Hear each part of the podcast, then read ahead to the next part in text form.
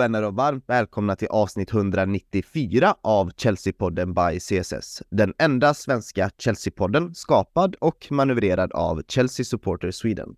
Den enda officiella svenska Chelsea-supporterföreningen med platina-medlemskap i Chelsea FC.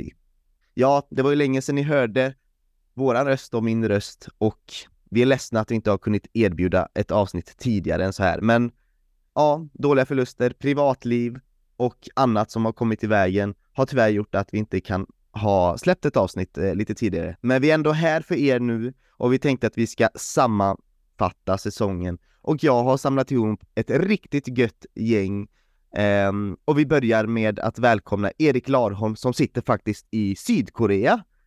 Välkommen Erik från uh, Asien, hur mår du? Eh, uh, Ayongaseo får jag säga då, som betyder hej på koreanska. Uh, jag mår jättebra. Mm. Är handbollsförbundskapten för Koreas damlandslag, så fotbollen har fått ligga tyvärr lite grann åt sidan. Lite svårt att se matcherna för Chelsea har spelat på natt svensk tid och krack, dåligt wifi här på natten och stänger koreanerna av wifi där vi bor. Mm. De har lite hårda regler emellanåt. Är det därför Men, wifi är eh, bra på dagen då? Ja, precis. Det, där är det fantastiskt bra. Det finns wifi överallt. Eh, jag mår bra och eh, tycker det är jättekul att vara med igen. Kul! Och det är kul att du också, jag ser att du har på dig säsongens Chelsea-tröja. Det är väldigt starkt av dig när vi ska sammanfatta denna säsongen och jag vill också välkomna vår kära eminente Jakob Lindström också till eh, podden. Välkommen Jakob, hur mår du idag? Tack, och du, jag, mår, jag mår jättebra. Alltså, det finns ju fortfarande men från den här säsongen som man bär med sig, men eh, man börjar släppa lite mer och mer nu känner jag. Att eh, börja se fram emot det nästa som kan komma mm. skall. Har det, sköljt, har det sköljt över det här negativa, liksom den här har du liksom, är det bara ett, en stängd bok nu då redan alltså?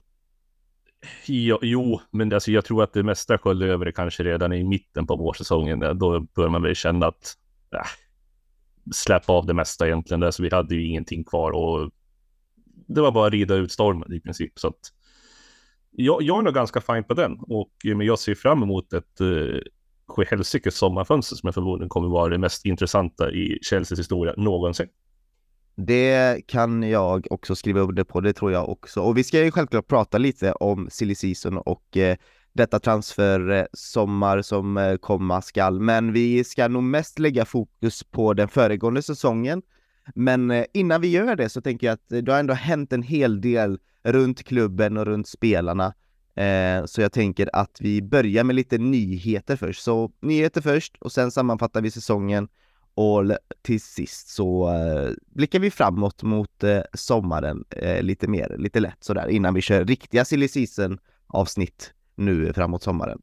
Så ja, vi kör igång!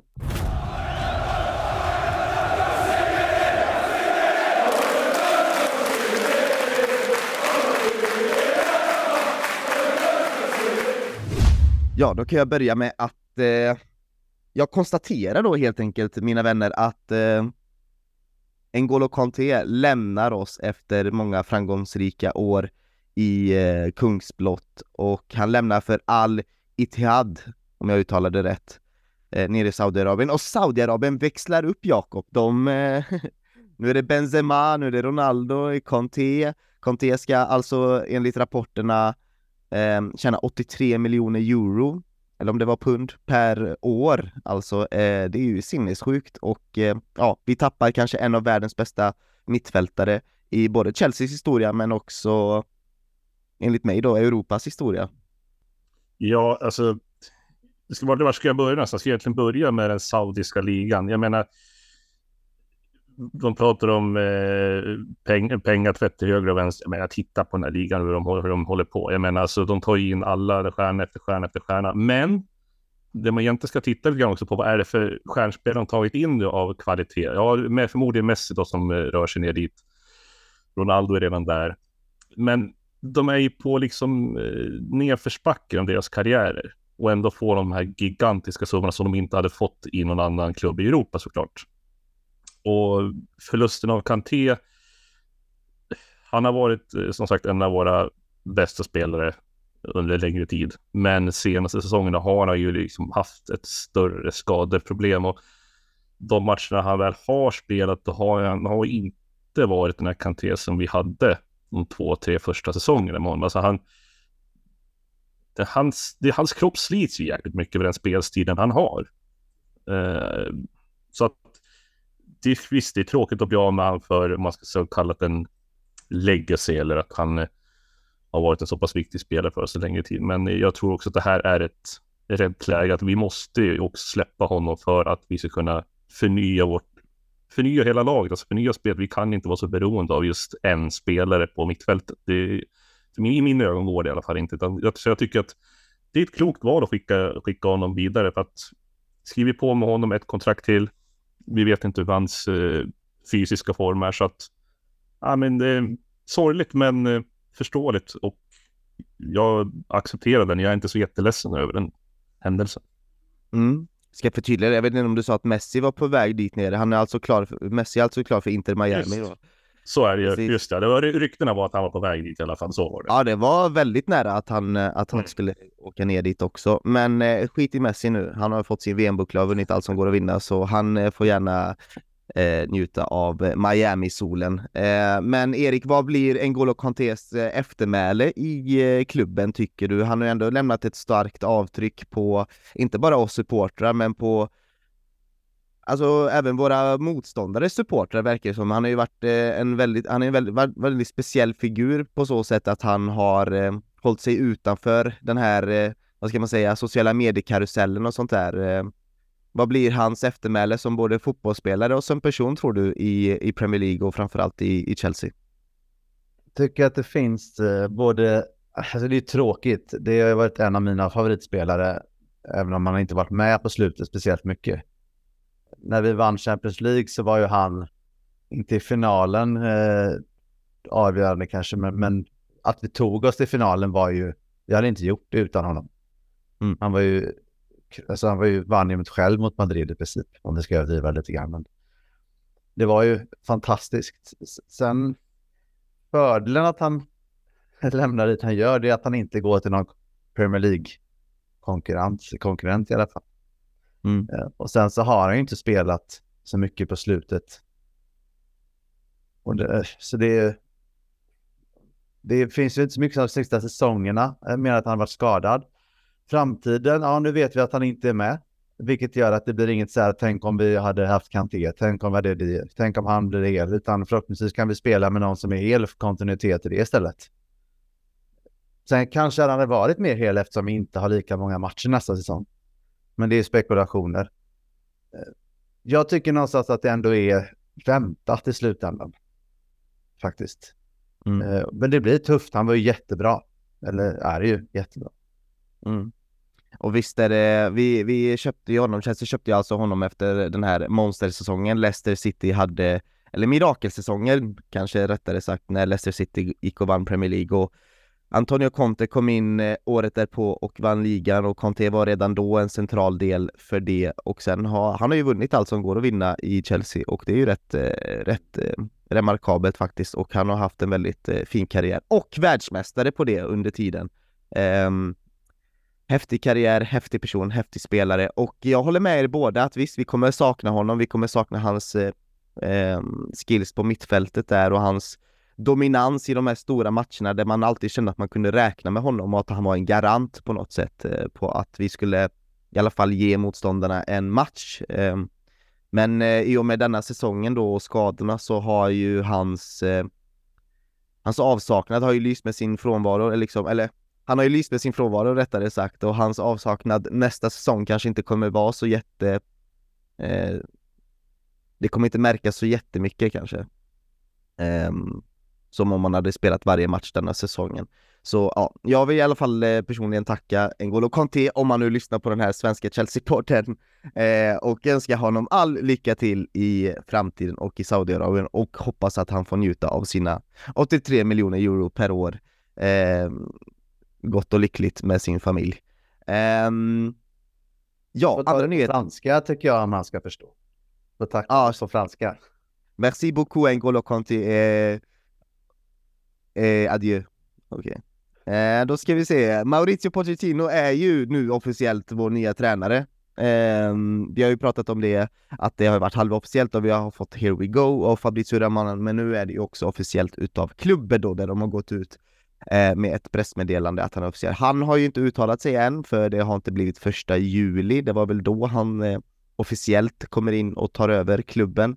Eh, men han jobbar säkert bakom ridån där och eh, ser till att Chelsea köper in rätt spelare till sommar redan nu han har säkert stenkoll på allting. Men eh, en grej där han redan hade med ett finger i spelen att det är enligt Fabrizio Romano så Chelsea var ju ute efter han Manuel Ugarte från Sporting Lissabon, en, en mittfältare Eh, och det var ju länge eh, klart nästan att han skulle komma till Chelsea, eller det såg ut i alla fall som att han skulle bli klar för Chelsea. Men eh, PSG höjde insatserna och presenterade ett, ett bättre lönepaket då för Manuel Ugarte och hans agent som gjorde att han till slut valde ehm, PSG istället för Chelsea.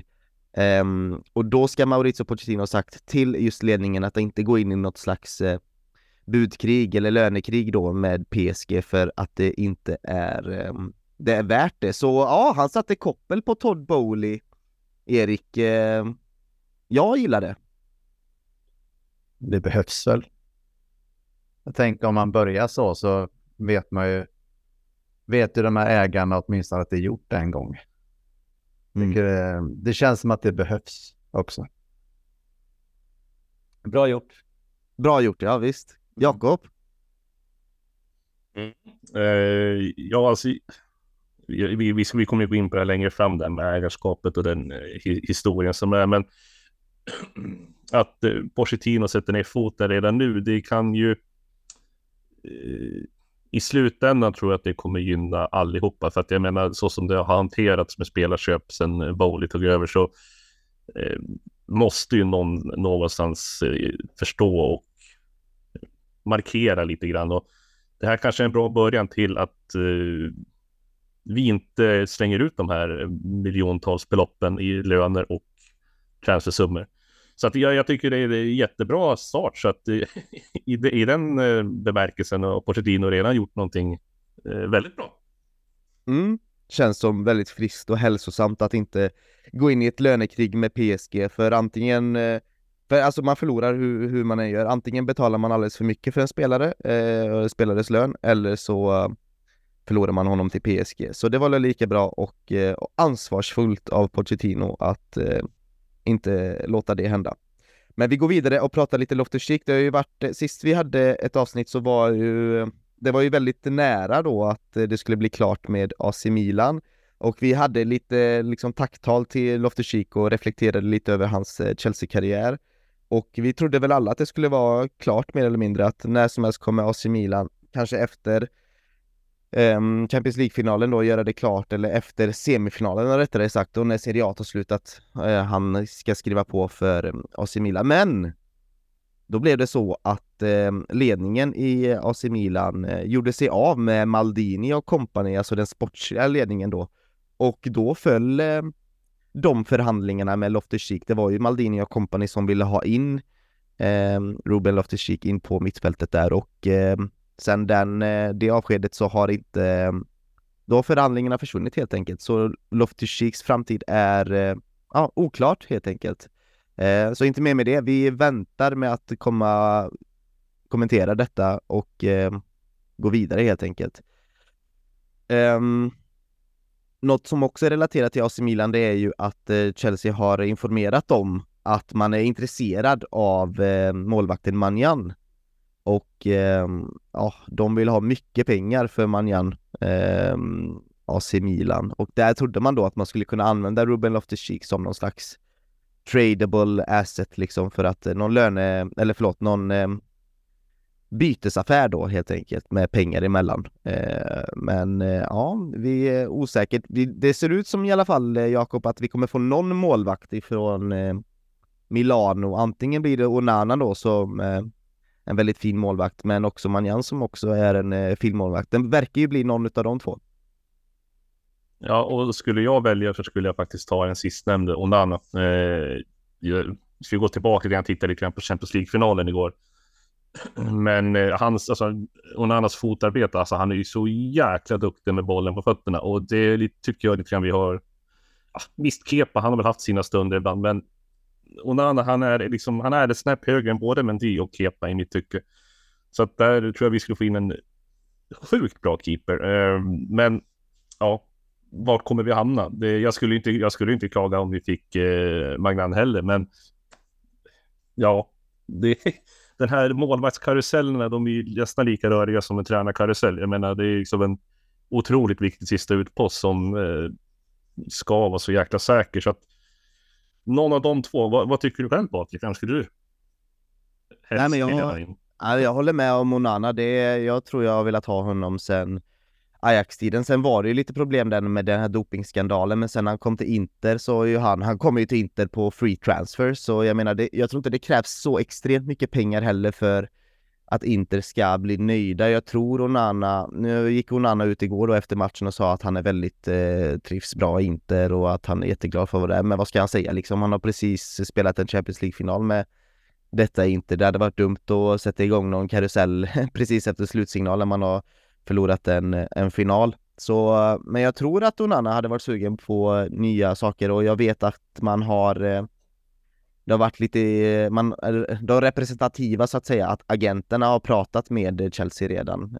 Så jag, jag hade nog velat satsa på Onana, dels för hans fantastiska fötter och spelförståelse och han blir ju nästan som en liten eh, ja, men en liten Pirlo där, fast målvakt. Han kan ju slå extremt bra passningar och det fick vi se prov på igår i, i finalen, att han kan ju plocka både en yttermittfältare, en anfallare eh, i ganska svåra positioner tycker jag. En väldigt fin fot och eh, oerhört tekniskt och kylig och iskall. ehm, och emellanåt gör extremt fina reflexräddningar. Så ja, mina pengar är på Onana faktiskt. Erik, känner du... Mm. Jag ska bara tillägga, det blir svårt. Vad ska vi egentligen locka spelare med av den här kalibern? Jag menar, visst, vi har eh, ett kapital, men vi har ju som ingen eh, gedigen säsong och visa upp att ja, men så här har vi gjort nu vad ska vi satsa på nästa säsong? Vi har ingen Champions League. Vi har, alltså, just nu är det ju bara money talks. Alltså det är ju den där Chelsea kommer jobba med. Eh, Ja. Möjligtvis att Pochettino kommer ha ett litet finger med och kanske förhandla och diskutera. Men alltså det kommer bli så sjukt svårt för oss att få sådana spelare just det här den här sommaren. Vi har ju redan ett eh, renommé, vi är i västra London, fint läge, det är stor klubb. Eh, eh, det finns ju massa historia, det jag tror, det är ändå Premier League. Jag tror att man, det kommer inte att vara ett jättestort problem att locka spelare, men jag förstår vad du menar med just eh, Champions League-spelet och, och så. Sen kan ju, sen tror jag eh, Pochettino är en viktig nyckel i, i framtida övergångar här, speciellt i sommaren, eller vad tror du? Jo, jo absolut. Det, det, så är det ju. Eh, Det är ju mer dignitet att ha Pochettino på vid rodret än att ha Graham Potter eller Frank Lampard alla dagar i veckan. Erik, vad är dina tankar kring, eh, kring framtida övergångar? Vem är det som ska vara, vad är den mest betydande faktorn att man ska välja Chelsea? Ja, men jag tänkte säga det om, om målvaktsdiskussionen till att börja med att han vet väl eh, Pochettino vad han vill spela för fotboll och då borde han också veta vad han tycker är viktigast. Det tycker jag står som nummer ett. Eh, sen kan vi tycka till saker till höger och vänster, men det är inte vi som ska leda laget. Eh, kan man välja mellan två, då tycker jag att han ska få välja. Eh, annars så får det väl visa sig om det är så att man inte kan välja för att folk inte vill spela ett lag som inte spelar Europa. Jag tror att det finns en attraktionskraft i Chelsea och i Premier League och totalen. Sen kanske att man tappar några spelare. Att det inte är lika enkelt. Men totalt sett så tror jag nog ändå att, det- att det funkar. Och sen får vi inte glömma bort att vi har ju rätt många bra spelare på kontrakt. Det är bara att vi ska ha en tränare som ska få ihop det. Ja, jag skulle, ja verkligen. Jag, jag tycker vi, vi stannar av den här diskussionen lite för det, vi kommer ändå in på sommarfönstret i slutet eh, av eh, avsnittet och eh, fokusera på det nyheter som finns. Det är också i och för sig relaterat till silly season, men det är ju snackats om Kai Havertz eh, till Real Madrid och eh, jäklar vad jag gick igång på dem eh, på de ryktena. Erik, kände du likadant? där? Är du trött på Kai Havertz eller vill du se han eh, en fjärde säsong? Nu kan jag bli lite tjatig här, men det är tillbaka till träningen igen. Jag, jag vill inte att det blir som med De Bruyne och, och kompani det här att Kai Havertz som två år är jättebra i något annat lag. Och sen är det väl som rätt många i vår, eh, alltså i Chelsea-redaktionen här som har poddat sista månaderna, har han kanske haft den tiden, det skulle hänt något. Men eh, nu är det ny tränare, kanske något år till på honom ändå. Sen har jag ju haft svårt för hans kroppsspråk sedan han kom. Jag tycker det är så få gånger man ser att han han tar säkert i, men jag är ju sån där som gärna vill se att det syns också. Att man tar i och gör sitt bästa och kämpar och sånt. Jag tycker det är viktigt och det, jag ser inte det i honom och det stör mig. Mm. Sen gör han ju bra saker. Kombinationen tränare, fortfarande trots allt ganska ung och att han inte har riktigt hittat sin position. Det har jag varit inne på tidigare här i, i podden. Får, eh, får han en ny tränare som hittar en position så kanske det kan höja sig ett par steg och då är det ju värt att, att vänta. Men är, är, alltså är moderna fotbollsproffs så jäkla curlade alltså? Ska man inte hitta sin identitet på plan? Eh, ska inte det vara tydligare redan efter liksom när man har nått 2022, eh, lite sådär? Eller du som tränare Erik, nu är det ju, tränar du en annan sport men eh, hur tänker du där? Ja, det är ganska, det är ganska likt eh, på vissa sätt. Nej, alltså under Lampard, han och Potter, alltså det, Potter bytte så mycket och jag tänker mer på vad han var innan han kom till Chelsea. Och som jag har fattat det, nu följer inte jag honom jättemycket i Tyskland på något sätt, men så har han ju liksom inte träffat rätt i Chelsea med plats. Och då, det, det känns ju viktigt att ha en roll där du... Det kan väl ta vem som helst. Alltså Kanté ska inte bli anfallsspelare. Nej. Diego Costa ska inte spela mittfältare. Sen, sen kan man väl eh, diskutera om han har spelat en del där han ska spela och inte gjort det bra ändå. Men, men där är jag för dåligt kunnig i fotboll eftersom jag inte är fotbollstränare hur, exakt hur viktigt det är. Jag vill inte se att han blommar ut och är topp 10 i världen om två år annanstans. Det är väl inte den rädslan. Men det, det känns ju ändå, det känns ju ändå oundvikligt på något sätt att det kommer hända liksom. Ja, men då får det eh, komma Chelsea istället. ja, det hade varit väldigt kul att se. Jag har alltid trott på Havertz. Jag har varit lite svag för honom redan från början, men nu känner jag bara eh, att jag är rätt eh, trött på honom. Och det är lite som du säger Erik, det har med hans attityd att göra lite tror jag, och hans eh, kroppsspråk och, och att han är så beroende av att vara, att man ska bygga laget runt honom lite känns det som. Ehm, I den mm, anfallspositionen. Ja. Men ingen rök... Jag har varit inne på också, det, att han är, det är Premier League, det kanske är för det var väl Temmes som var inne på det. Alltså han har haft ganska lång tid på sig att bygga en fysik som skulle klara Premier League, men det syns ju inte i alla fall att det är någon skillnad på det, eller inte mycket i alla fall. Mm. Nej precis, eh, Erik du sa ju det också att eh, det är om eh, tränaren Pochettino då vill det och Jakob, där vill jag vända mig till dig för det är ingen rök utan eld lite här när det kommer till Kai Havertz för vad man har läst enligt eh, rapporterna så ska Pochettino vara ganska fin med att eh, Kai Havertz eh, skulle lämna till sommaren.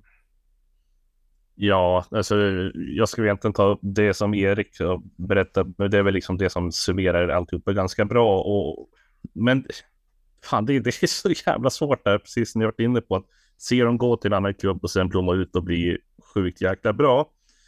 Eh, åka Pochettino och inte känna att han har något riktigt förtroende för Howard kanske. Jo, men det kan jag ju förstå. Det hade jag också tänkt som en ny tränare på det sättet att ja, men jag har sett Eh, hur den här spelaren betett sig tidigare säsonger. Ja, det var lite sisådär. Kan man få in någon, någon ersättare som eh, gör det mycket bättre? Möjligen. Så att jag ser inte att Pochettino tycker att Havertz, ja, såklart det verkar som att Pochettino tycker att Havertz är en viktig spelare. Eh, och det kan jag ju, det, det köper jag alla dagar i veckan.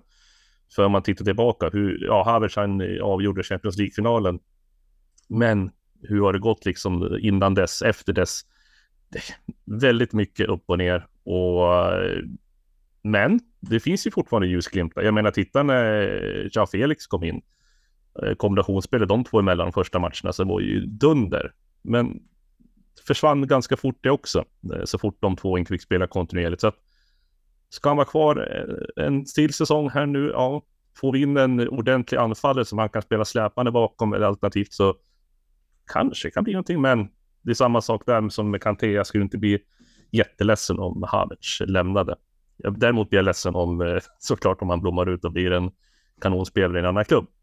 Mm. Men det är alla, det, så det är också det där att vet vi vilka som blir kanonspelare? Men det var inte säkert att De Bruyne skulle få en sån kanonkarriär och Salah skulle få en sån kanonkarriär. För att funkar inte i klubben efter några säsonger, då känns det liksom inte värt att ha kvar en sån spelare som kostar mycket pengar. Det, så att lite övervägande här med att skicka iväg spelare och inte tro att de ska blomma ut någon annanstans. Det är klart att de vill ju, när de lämnar så tar de ju givetvis chansen på ett annat håll och kanske passar in bättre i staden där de bor med lagspel, alltså allt sånt där. Så att det, jag tror det är så mycket annat som hänger på det än just vilken tränare också som leder laget.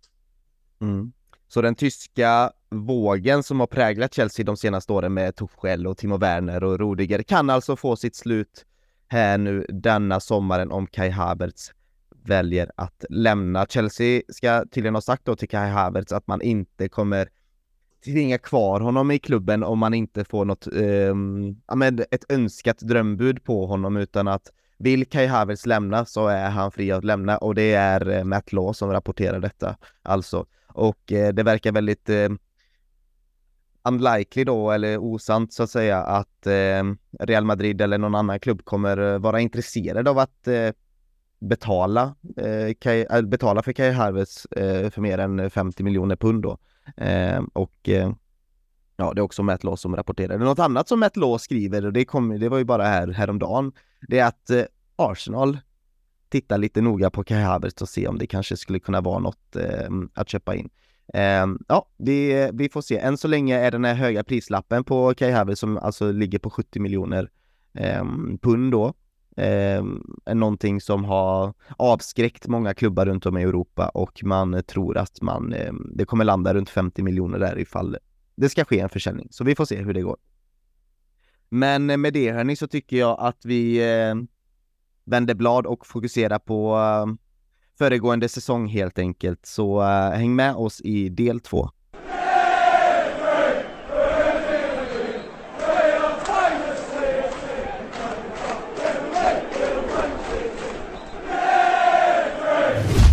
Ja vänner, då ska vi äntligen, äntligen, äntligen sammanfatta den här fantastiska säsongen vi har haft bakom oss. Nej. Det här kommer bli jobbigt. Det här kommer bli tungt. Och eh, ja, vi ska göra vårt bästa att inte gå på för många negativa rants. Men eh, jag ska försöka hålla mig till Jakobs spår och känna det är dags att vända blad och kolla framåt. Så jag ska försöka hålla mig när vi ska sammanfatta den här säsongen. Men vi måste ändå ta tag i den här jäkla tjuren och dess horn. Så vi börjar med att ställa frågan till dig Erik. Vad är det bästa och det sämsta som hände under denna säsongen? Vill du börja med det sämsta kanske? jag vill börja med att säga att det som är sammanfattar så mycket av det dåliga är att det är så svårt att hitta bra prestationer och bra lagdelar svårt att hitta fem spelare som varit bra och så vidare. Det är alltså skador på bra spelare och ja. Vad var det bästa och det sämsta var frågan, eller hur? Jajamän. Ja. Sämst är ju, eh, jag tycker om att se Chelsea göra mål. Jag tycker det är så tråkigt att vi har ett mål per match i snitt det är i kombination med att du vinner 11 av 38 matcher. Det är det tråkigaste. Så det är en följd hur det sett ut såklart. Ja. Du, du hade ju lite statistik du hade förberett där. Vad vill du, vill du presentera lite, lite godisar till oss? ja, trötta torra godisar. Ja, men så vi pratade lite innan vi satte igång sändningen att vi har spelat som alltid 38 matcher. Vi har vunnit endast 11 matcher det är ganska dåligt snitt på hur många gånger man blir glad för en vinst över en säsong. Var tredje och fjärde vecka eller något. alltså det är 11 av 38 och det är Chelsea. Vi kommer på den plats vi gör. Vi släpper in 40, eh, 47. Alltså det är inte superbra heller, men det är liksom 1, vad blir det, 22 eller något per, 24 per match. Det är det här med att, och, och, att vi inte gör mål. 10 nollor. Nu har jag inte jättemycket så att statistik att jämföra med, men Det känns framförallt så att det är bristen på att göra mål som, mm. som är det stora, det tråkiga och det som är att vi inte vinner matcher och så vidare. Det är ju det. Ser man till målvaktssidan så är ju Kepa hundra gånger bättre i alla fall, även om han ifrågasatt emellanåt ändå. Så är han ju mycket, mycket bättre än, sin, än vad han tidigare varit och inte den här låga räddningsprocenten. Så jag tycker mm. inte att man kan skylla det, det är ineffektiviteten. Och ehm, det är ju alla tränarbyten och ja, men det som hände förra våren som, som fortfarande har legat kvar till stora delar. Konsekvenserna liksom kommit ikapp på något sätt. Ännu mer. Rätt eller fel att låta Torshäll gå. Eh, rätt eller fel att ta in Potter och så vidare och så vidare. Det är ju frågor vi aldrig kommer få svar på exakt, men det är ju någonting som definitivt har betydelse när man summerar en säsong. Mm. Eh, och vi kan prata spelare och så vidare. Ja, det har varit för dåligt. Eh, man kan inte hålla på och prata runt det eller prata bort det. Men det har heller inte varit förutsättningar som har gjort det lättare. Även om det ska gå bättre, jag säger inget annat. Eh, och sen så hade vi en period där det var jättemycket skador. Mm. Och det är väl egentligen det tråkigaste. Vi ska ta minst 10 poäng till ändå. Eller 12 eller något. Men James borta över längre tid och Mount nu på slutet och vi hade ju, vad var det, typ november till januari där vi hade 10-11 bra spelare på skadelistan. Plus då tränarbyten. Det är ju tuffa förutsättningar i en liga där fler och fler lag varje år är, ja men det är fler och fler som kämpar om att vara bland de tio bästa. Och det är därför mm. inte vi är Om du försöker fokusera på um, något bra då, eller det bästa då om man ska understryka det? Har du något, har du något som kommer fram där? Kepa har gjort en del fina räddningar.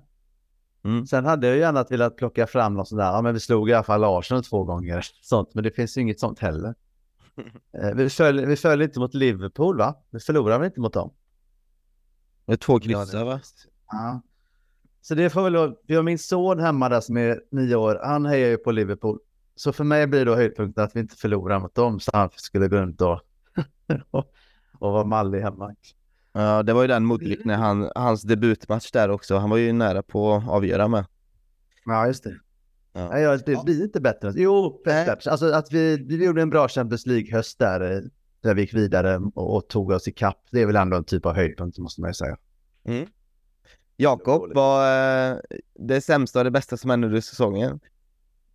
Ja, jag jag har eh, stått i valet och kvalet på vad man inte ska välja. Alltså. Eh, ja, jag känner lite grann som Erik där också. Den här, vad fan ska man liksom.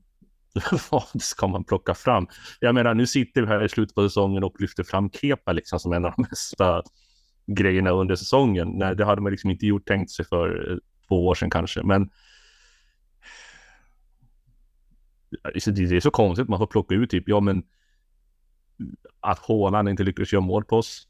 Mm. Som typ den enda klubben. Eh, vi kan ta att vi klarar oss kvar i Premier League. Att vi säkrar kontraktet. Ja, det har jag skrivit här i mitt, eh, mitt, mina papper också. alltså, nog för att den kanske oron inte fanns riktigt för att jag tror inte vi hade åkt ur. Men eh, att ändå att vi börjar rapportera om att ja, Chelsea säkra kontrakt i Premier League där liksom där i vann där i våras, jag kommer inte ihåg vilken match det var, men uh, det får jag plocka fram som en av de bästa grejerna egentligen. Och sämsta, oj, oj, oj, oj. Ja, hur lång tid har vi? Ja, nej men precis. Alltså, vi kanske kunde skriva en krönika om det här som är en rapport på 72 A4 eller någonting, men alltså om man ska ta ut en grej, det sämsta, så är det väl eh, avsaknaden utav kontinuitet, avsaknaden utav eh, ett tydligt ledarskap skulle jag vilja säga. För mm. att avsaknaden av tydliga ledarskapet som eh, får den här säsongen att braka ihop. Vi har varken ingen ledarskap i omklädningsrummet, vi har ingen ledarskap i sidlinjen, vi har ingen ledarskap i styrelsen och ägardelen eh, som är så markant tydlig som eh, visar vart Chelsea är på väg någonstans med det här projektet som har fallerat totalt.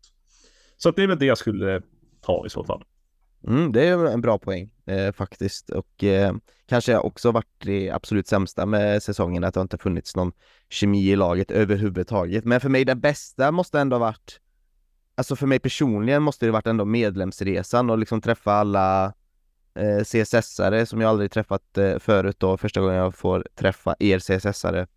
Eh, även fast det var, även fast NCISO bjöd på liksom en smällkamarell och Brighton drog ner kallingarna på oss och vi kanske gjorde vår sämsta insats på säsongen så var det, så var det kul att vara där och eh, sjunga, försöka sjunga fram laget tillsammans med andra CSS-are och Chelsea-fans på Stamford Bridge. Det var trevligt att eh, göra det.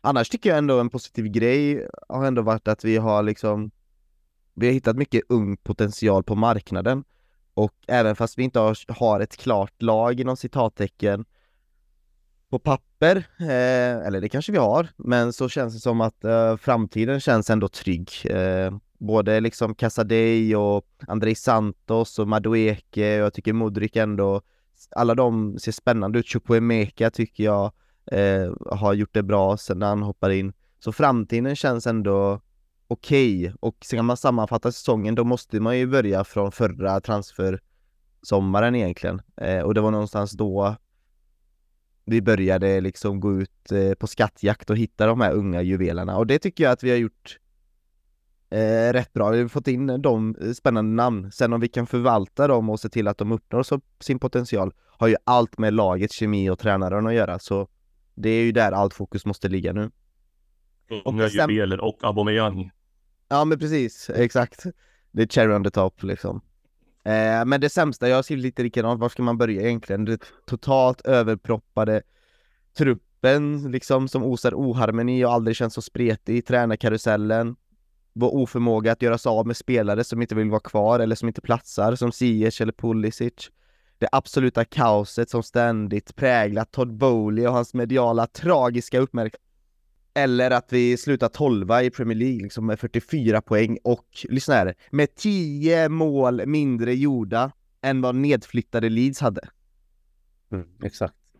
Det är ju sanslöst. Så ja, vi kan ju prata mycket om det sämsta. Det finns ju otroligt mycket att ta oss eh, an där, men eh, jag känner att jag har pratat så jäkla mycket om det som har varit så jäkla dåligt. Så vi går vidare och pratar om Player of the Season.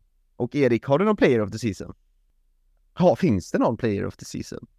Ja, just det. Jag, Oh, ja. jag, brukar, jag brukar göra så att jag köper matchtröjan kommande år utifrån vem som har varit bäst året innan. Ehm, och det blir jävligt svårt i år, måste jag säga. Kan du vända dig om? Jag vill se vem, vem har du på ryggen? Ja, det, här- det här är James. Ja, nice. Eh, han kan ju inte vara i år. För att, Ja. eller, han var bland de bättre ändå. Nej, Jakob får börja. Jag bollar över. Ja. Nej, men ska man vara så eh, enkel och eh, lyfta fram en sån som Thiago Silva i det här läget. Eh, Men jag har faktiskt en liten en person på uppstuds här. Mm. Och ja, ni, ni som vet, ni vet att jag har ju en förkärlek till en viss spelare i vår trupp. Eh, alltså, och jag tycker att den här personen, det säger jag inte namnet ännu, ni får väl eh, lista ut om det kan vara sen. Eh, den här spelaren, han har ju liksom, varje gång han har varit på plan så har han inte varit den absolut briljanta tekniska spelaren, men han har ändå visat ett jäkla hjärta varje gång han har spelat. Mm. Han kämpar och sliter och tar onödiga gula ibland kanske, men det är sånt som oftast jag tycker behövs för att Oh. eh, lyfta en match. Eh, vet ni vem jag syftar på? Ja. Nej, Gallagher är det väl? Ja, såklart. ja. Och jag menar det här, det, för- han kan sagt, han har inte kanske stuckit ut och gjort eh, det absolut snyggaste hela tiden, men han, han finns ändå alltid där och han sliter som ett jäkla djur varje gång. Och det tycker jag betyder så mycket mer för mig än... Eh, nu ska jag inte vara så, nu kommer jag säkert bli jättemånga människor efter mig, men Thiago Silva som spelare är ju såklart briljant och eh, aha, utan honom i försvaret så vet jag fan hur det hade sett ut. Men jag, jag, jag vill nog lyfta fram Gallagher i alla fall. Eh, vad min personliga tycker. Mm. Pat- Patrik där. Alltså jag hade ju skrivit eh, Thiago Silva och eh, Enzo Fernandes faktiskt. Jag tycker han har varit helt sinnessjukt bra sedan han kom in och liksom spelat alla matcher och ser otroligt solid. Men jag, jag, Enzo kanske får det nästa år. Eh, men jag har även skrivit in Kepa frågetecken inom parentes och ett citattecken och ett sånt här eh, utropstecken och eh, massa olika tecken. Så det, För liksom ska man nämna honom eller inte liksom? För han har ju haft en fin säsong bakom sig men när vi slutar tolva liksom ska man eh, det känns så tragiskt att ge, ge det till en målvakt på något sätt. Hade vi kanske nått en topp fyra eller kanske till och med vunnit ligan då hade det ju varit jävligt häftigt att kunna ge det till målvakten eh, faktiskt men han har ju ändå hållit eh, trycket och utan Thiago Silva och Kepa så hade ju siffrorna sett betydligt värre ut eh, om vi ska vara helt ärliga. Um, men ja, det är jag också tråkig nog faktiskt att ge det till Thiago Silva även fast han är en makalös fotbollsspelare och mittback och vid 38 års ålder eh, ständigt eh, liksom, eh, han är som en jäkla Rolls Royce, jag vet att det uttrycket är urvattnat men helt otroligt vilken fotbollsspelare. Jag är jätteglad att han stannar en säsong till och hjälper leda de här unga eh, talangfulla mittbackarna och alla egentligen eh, till eh, att lära dem liksom the Thiago Silva way. Jag tror att eh, Levi Colwill och Badiashil och eh, Chaloba och även Wesley Fofana, alla har haft stor nytta av att ha eh, honom jämte sig. Ehm, så äh, jag är oerhört tacksam att Thiago Silva spelar för Chelsea Football Club och eh, för mig är han eh, årets spelare. Jag har en annan som jag, jag, som jag också... Det här blir spännande. Jag, jag är beredd att säga Chilwell. Jag tycker han inte har varit under sin kapacitet. Utifrån att alla andra, eller många andra, varit sämre. Mm. Tycker han har gjort det man kan begära av honom eh, och lite till, kanske till och med med tanke på lagets form. Ja, mm. Jag slänger ja, ut honom som lite av en... Vad tyst det blev här nu. Nej men eh, jag gillar den shouten. Han kanske är... Vi måste ju ha, om vi hade haft en sån här, en, en kategori som varit eh, Most Improved Player, eller liksom någon som har kanske så, så kanske han hade varit med där, liksom, för han är väl en av de som inte har sjunkit i kvalitet. Eh, så jag fattar lite vad du, vad du menar och detsamma gäller väl Gallagher. De har ju blivit bättre ju längre säsongen har gått. Nu är det ju synd med Chilwells skador och sånt och inte att han har fått spela så mycket som vi hade velat kanske. Men eh, är det lite så du tänker eh, Erik, att han ändå har eh, växt genom säsongen och ändå hållit sig, alltså han har varit konsistent liksom? Om allt jag ser framför mig med honom så är det inte att han har, han har gjort odugliga matcher. Han har ändå varit på han har spelat. Han har spelat ganska mycket ändå i förhållande till året innan och, och med skador med korsband och allt vad det är. Mm så tycker jag, alltså Silva kanske totalt sett är bättre, men jag tycker inte att Silva, jag tycker är lätt i topp tre i alla fall. Mm. Utav de som, som vi har. Ja, ska vi gå vidare? Jag tycker Louis Hall nu när jag satt, tänkte på det, jäklar vad han också har improvat och det är kul att se att han eh, eh fick eh, minuter där i slutet. Men eh, ska vi försöka göra det omöjliga uppgiften att hitta säsongens match kanske? Mm, ja, ja, jag har, jag har bara... Jag var tvungen att titta tillbaka på spelschemat för att se vad fan minns man egentligen från den här säsongen som sticker ut. Uh, ursäkta, nu tog jag bara flöjten här i all hast och körde på, men... men uh, den, den, den enda jag kan hitta som var ett uh, lyckopiller, jag måste nog säga att det var när vi slog Milan med 3-0 i Champions League. Alltså, mm. jag har försökt att söka igenom vilken annan match skulle egentligen vara mer glädjefull och se och ha i minnet. Ja, det är nog fan den. Mm. Nej, jag håller med. Jag, jag skrev dubbelmötena mot Milan. Jag tyckte det var... Ja. Även fast vi, Tomori blev utvisad på San Siro tidigt så tycker jag att vi gjorde en bra insats där med och hemmaplan. Absolut. Så nej, jag skrev dubbelmötena mot Milan. Erik? Ja, jag var inne på det förut också. Det, jag kan inte se något som är bättre än det. Det har varit mm. alldeles för många bottennapp för att hitta något som är bättre också. Och konkurrensen är inte så hård. Nej, precis. Då går vi vidare till nästa då, som är säsongens mål. Och där kan jag börja. Jag, jag, som sagt, det var inte många val att välja mellan liksom heller. Men det, där jag skrek mest och där jag kände mest eufori och målet var snyggt. Det var ju Kalidou Koulibalys mål mot Tottenham den eh, halvvolleyn han tog med fel fot efter Kukureas hörna. Eh, det kändes riktigt bra och det var väldigt snyggt också. Mm. Ja, jag, jag har ett annat som är kanske inte, eller inte det snyggaste målet, men det stod för så mycket och det var så roligt. Eh, min egen eh, med egna minnen från det. Det var när Gallagher gjorde mål sent, eh, avgjorde mot sitt gamla lag där, Palace.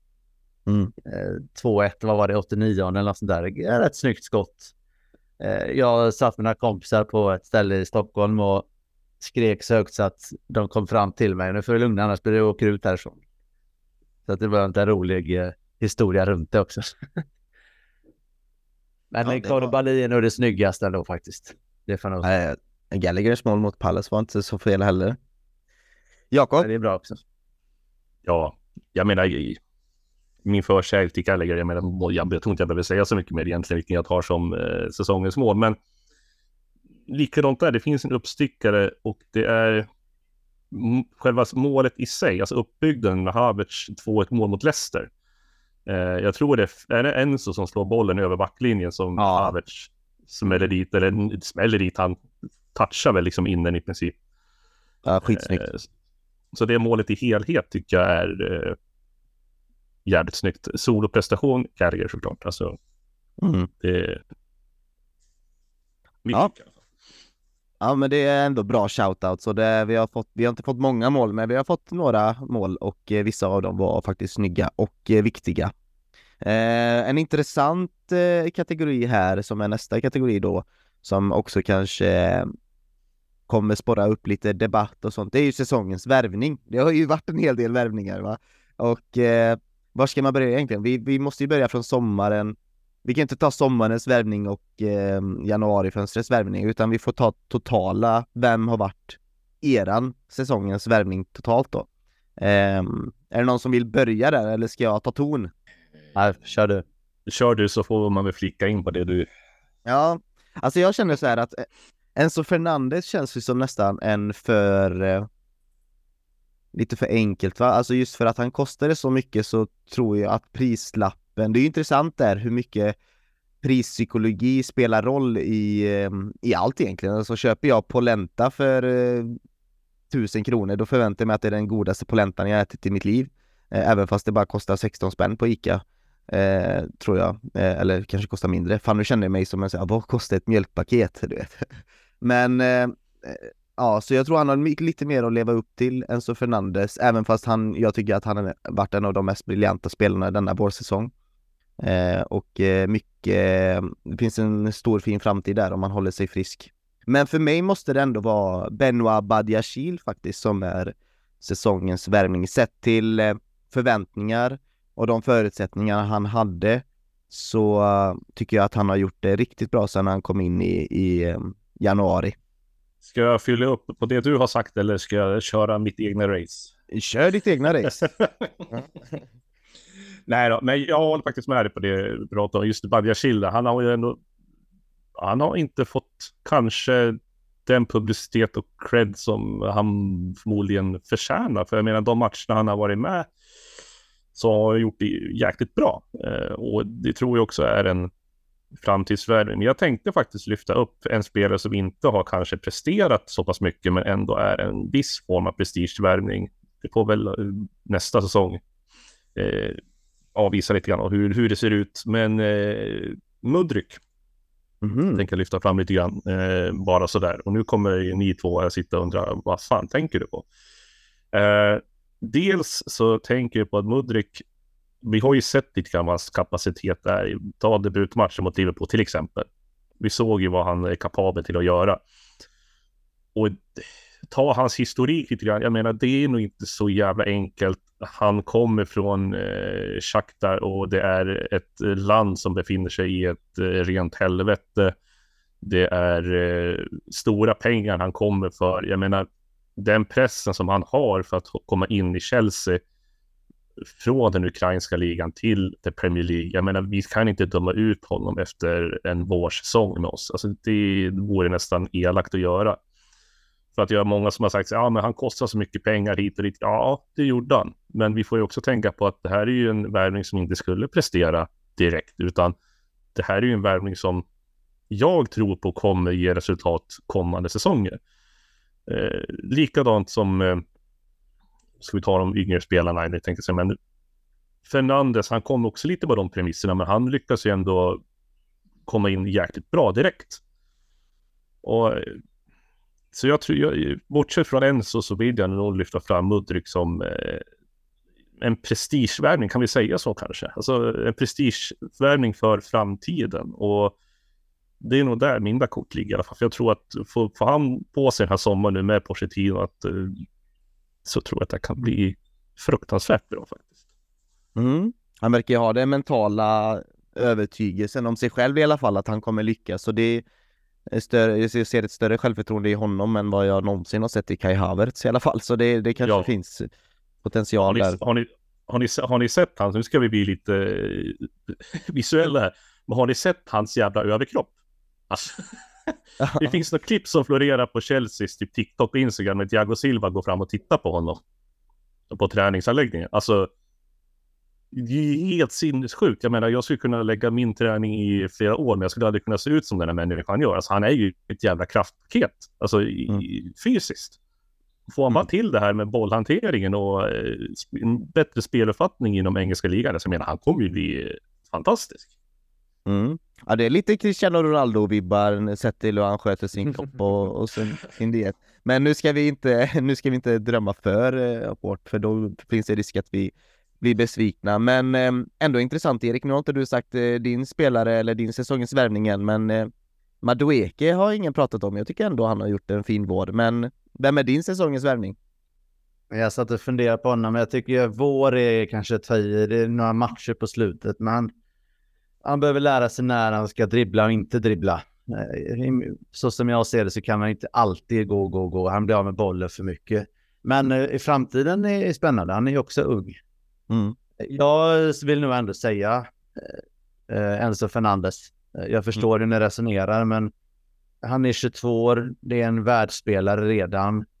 Eh, nu försvann dessutom Kanté. Eh, vi har en viss italienare som försvann till Arsenal och så vidare. Det blir, han är bra redan nu och han kommer bli jätteviktig för oss. Att vi fick honom trots att det kostade eh, känns jätteviktigt. Så jag, mm. så jag går på det. Ja, nej men det, det känns också som ett eh, självklart val och eh, oerhört eh, skönt att det är en eh, att det är just han vi ska bygga vårt mittfält kring nu i framtiden. Enzo Fernandes. Um, men eh, vad bra, då har vi våra, så alltså Badiashil, Mudrik, ja det var ju lite oväntat men jag fattar ditt resonemang Jakob och eh, Enzo Fernandes. Det är ändå tre eh, fina fotbollsspelare vi har att eh, se fram emot till nästa säsong. Då hoppar vi över till kanske den hetaste potatisen av dem alla då när det kommer till diskussionsämnen eh, i detta avsnitt. Och det är ju, frågan lyder alltså, vad tycker du helt ärligt om Todd Bowley och det nya ägandet? Nu har vi kvitto på säsong ett här med våra nya ägare och eh, jag låter frågan stå öppen, men jag riktar den först till, eh, till dig Erik. Ja, det är rörigt. Eh, hur, hur, man ser på att få in så många nya spelare. Nu har jag läst att, att Potter sa till att det får stopp nu så där under säsong. Så många nya spelare in i en grupp som ska prestera på högsta nivå. Alltså, även om det är jättemånga duktiga fotbollsspelare så är ändå det här ett lagspel, alltså det är lagsport. Och man behöver vara en fungerande grupp, vi var inne på det tidigare. Det är, det är i princip omöjligt att bygga en väl fungerande grupp med så många nya på så kort tid. Eh, det känns ju nästan som att de hade kunnat där vi skiter i den här säsongen. Vi ska få in massa spelare. Hur det går, hur det, går det struntar vi bara Vi får ihop det till nästa säsong. Det är känslan. För att man kan inte på allvar tro att man ska vara topp fyra med bara trycka in massa nytt, nytt, nytt, nytt som aldrig har spelat ihop. Det är ju visa noll respekt eh, mot motståndet i så fall skulle jag säga. Så, så rörigt och, och eh, okunnigt. Sen, eh, det verkar ändå så att de inte bryr sig och de vill investera och så vidare, men de har ju fruktansvärt mycket att bevisa just i den här känsligheten. De har tillsatt massa olika poster och sånt. Det är nog läge att sätta till organisationen, vem gör vad och, och så vidare. Alltså oavsett företag, idrotter, lag, vad det än är, har en sak gemensamt. Allt, det mesta börjar med organisation. Och mm. det är det inte här. Det är i alla fall inte visat. Mm. Nu har man ju en eh, ledning på plats då sen i slutet på januari där alla poster då ska vara fyllda. Eh, Jakob och eh, organisation kommer ju nog vara huvudfokuset framöver där Maurizio eh, Pochettino ser ut att vara någon slags frontfigur för detta då. Eh, nu vet vi inte exakt hur hans kontrakt är eh, utformat då, men det verkar som att Maurizio Pochettino vill ha mycket att säga till om eh, redan nu. Om vi bara stannar där lite vid eh, Eriks tankar innan jag frågar dig om eh, om Bowley och ägandet och sådär. Hur, hur ser du på den här strukturella delen som Bowley ändå byggt upp? Ja, byggt upp och byggt upp. Kanske. Ja, men rasi ras raserat och sen byggt upp. ja. Oj, oj, oj. Nu har, jag ska vara helt ärlig också, att jag har inte riktigt full koll på alla de här posterna som har eh, satts ut, alltså hur, hur de är fördelade riktigt. Eh, jag har något vagt minne av att jag har hört det i podd och sen liksom tittat lite grann, men jag, jag, jag vågar inte ge mig in i den diskussionen för mycket. Det för att jag inte har någon röst och insikt, men om vi ska gå tillbaka till just eh, det som Erik har pratat om, att med det som jag också nämnde tidigare när vi pratade om sämsta på säsongen, att det har liksom inte funnits något ledarskap överhuvudtaget. Och det som har varit gjort att förtroendet för ledningen sjunker ännu mer, även fast man eh, blev lite glad över att eh, Potter fick lämna. Det var ju det här med att när Potter plockades in istället för Tuchel att ja, men vi ska satsa på Potter. Det är liksom ett projekt som kommer ta tid och är dit och dit och dit. Men han får liksom inte ens säsongen på sig. Utan det är det jag menar, att de går emot sig själva och skjuter sig i foten. Och jag vet att Temmes pratar om just det här att eh, sparka i Potter nu. Vad eh, har vi för förtroende för ledningen då? Så att det är ingenting som säger, det är nu vi är tillbaka lite grann i det här eh, Chelsea Alar Abramovic. Alltså gör en tränare dåligt resultat en tid så ryker han liksom. Det, och där någonstans vill jag inte att vi ska vara. Eh, vi har ju byggt upp en vinnarmentalitet på grund av att vi har gjort så. Alltså att vi har gett tränare förtroendet en tid och sen går det dåligt, andra sparkar vi, plockar in nytt. Men någonstans måste man ändå rannsaka, ska vi komma tillbaka där vi var så måste vi nog börja från grunden och det grundarbetet är nog större än vi tror vad det gäller alla olika poster inom föreningen, alltså med eh, både med styrelsen, både med eh, tekniska avdelningar och så. Allt som ska roddas eh, gör man ju liksom inte på ett år kanske. Jag menar, det här kommer ju ta åratal att bygga upp eh, en fungerande organisation det kommer nytt folk som kanske inte känner till klubben. Det kommer nytt folk som kanske inte ens till och med känner till eh, termen fotboll. Eh, så jag tror det är väldigt mycket som ska klaffa innan vi kan börja, jag i alla fall, kan börja göra någon större analys av hur ägarskapet eh, ser ut och vad vi får för resultat av det. Så, men jag är inne på det mycket som Erik pratade om, det här med att rörigt. Mm. Väldigt rörigt. Och Rom byggdes ju inte på en dag. Nej. Hur, eh, hur känns förtroendet då för, eh, för Todd Bowley och ägandet? Han är ju ägare, så någonstans måste man i grund och botten ha ett visst förtroende för honom. För att eh, han har personer runt sig som kanske vet hur eh, saker och ting fungerar. Men eh, det sagt också, det som jag nämnde tidigare, att eh, det förtroendet försvinner mer och mer när de säger någonting och sen eh, någon månad senare så går vi emot det de själva har gått ut och sagt. Så att men det vet vi alla hur fotbollen funkar då. Alltså toppfotbollen är ju så. Alltså, gör du då dåligt resultat som tränare, ja men då är du inte kvar. Och det är inte bara Chelsea, det är de flesta klubbarna liksom. Men, men mitt förtroende för ägarskapet är inte jättehögt än. Utan jag vill ge det i alla fall en säsong till innan man kan eh, vara mer rakt på sak. Eh, det känns än så länge väldigt osäkert. Mm. Jag tycker han saknar eh, lite, eller både, nu, är det orättvist att bara lägga allt på Todd Bowley för Igbali, Berad Igbali och de andra är ju minst lika ansvarsfulla i detta men det är just det här att man drar under, alltså man drar ju bort mattan liksom på en hel klubb, man tar bort Peter Cech, Marina Gradovskaja, Bruce Buck, eh, Thomas Tuchel, man liksom strukturen och pyramiden försvinner totalt och byts ut med personer, nya personer då som inte kanske är så Chelsea-relaterade utan är mer ja, visions, eh, visionsposter som är ditsatta och specialrekryterade för en, eh, för en framtid och inte för nuet kanske.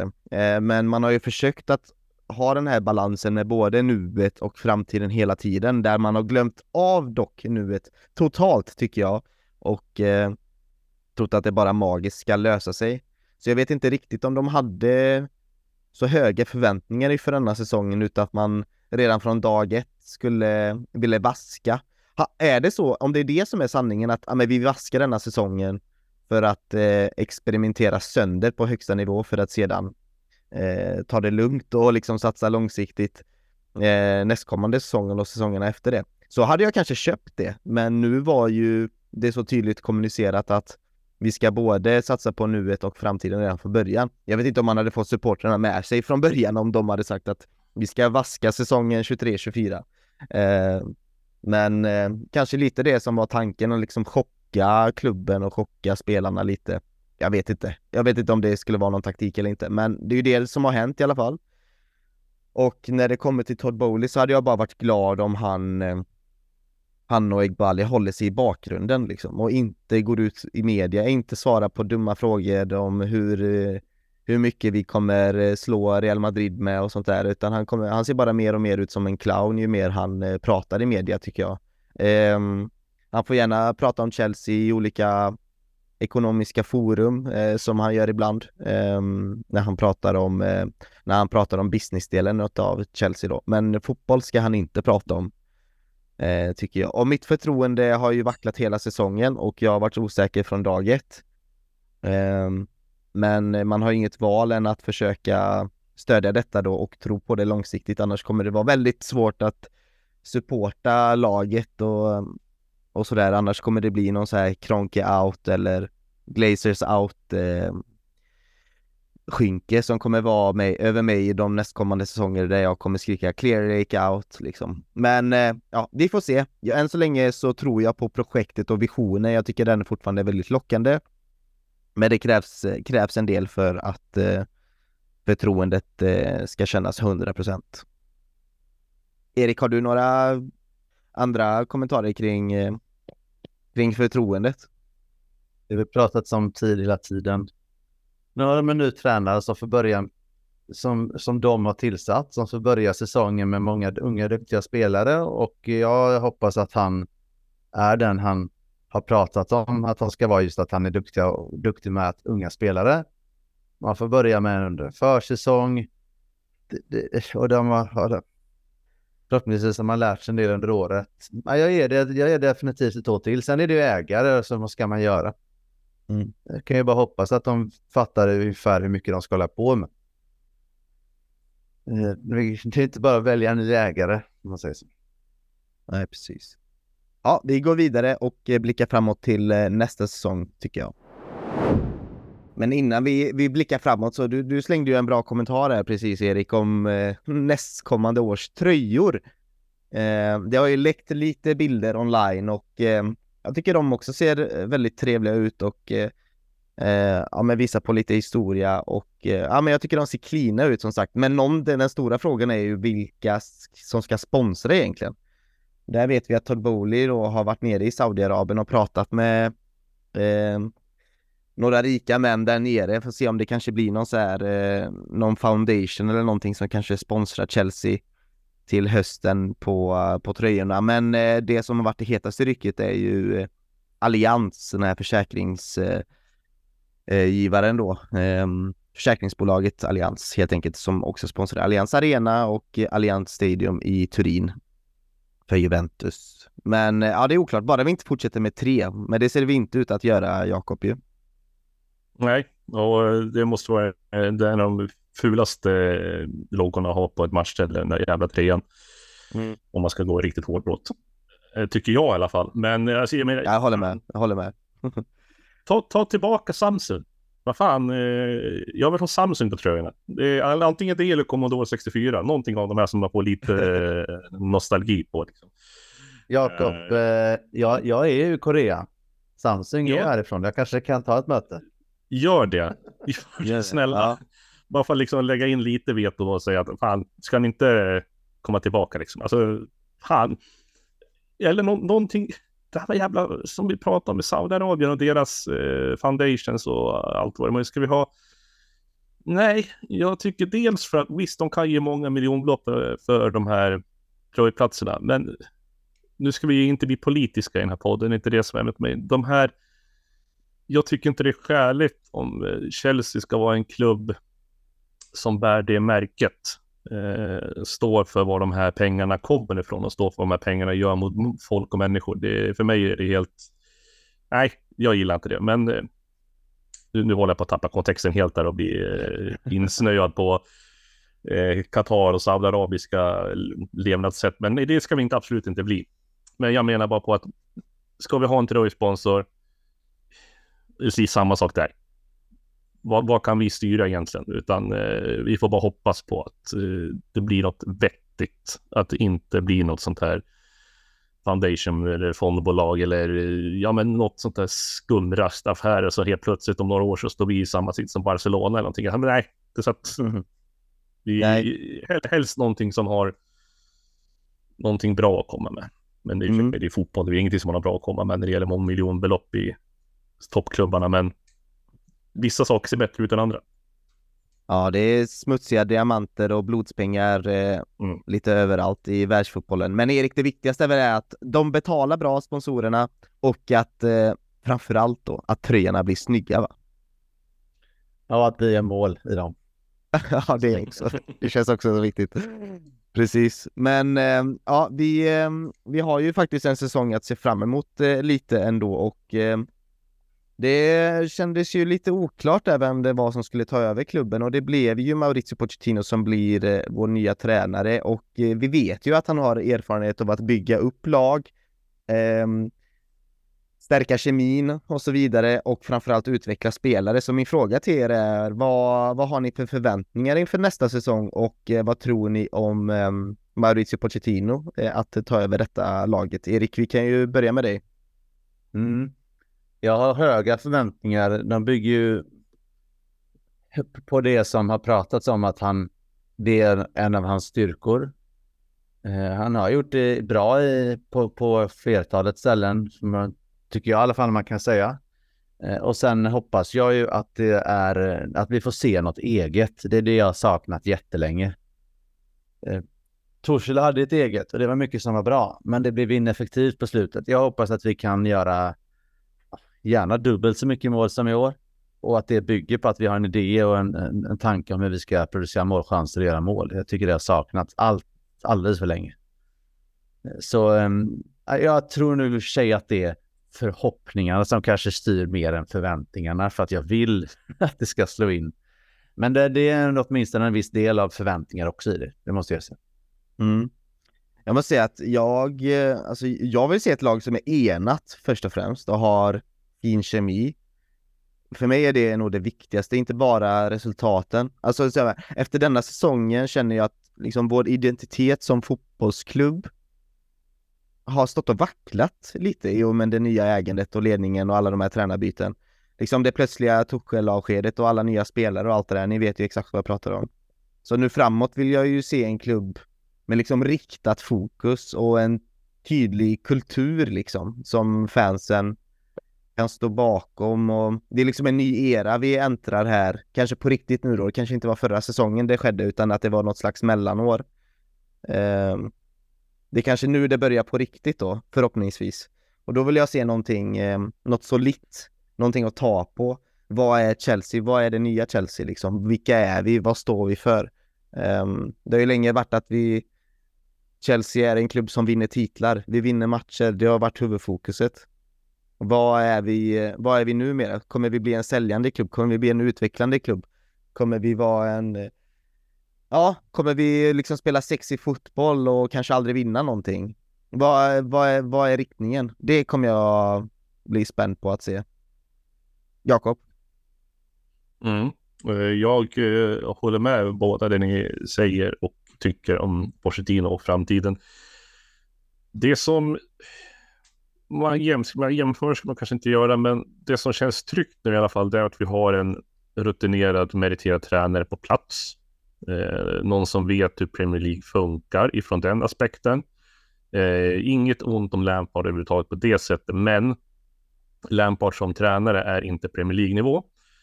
Eh, vi har en Graham Potter, kommer från en helt avsaknad av vinnarkultur egentligen. Alltså om man tittar på eh, trofémässigt så har inte han åstadkommit så väldigt mycket. Eh, Pochettino har vunnit franska ligan, han har kommit till final i Champions League.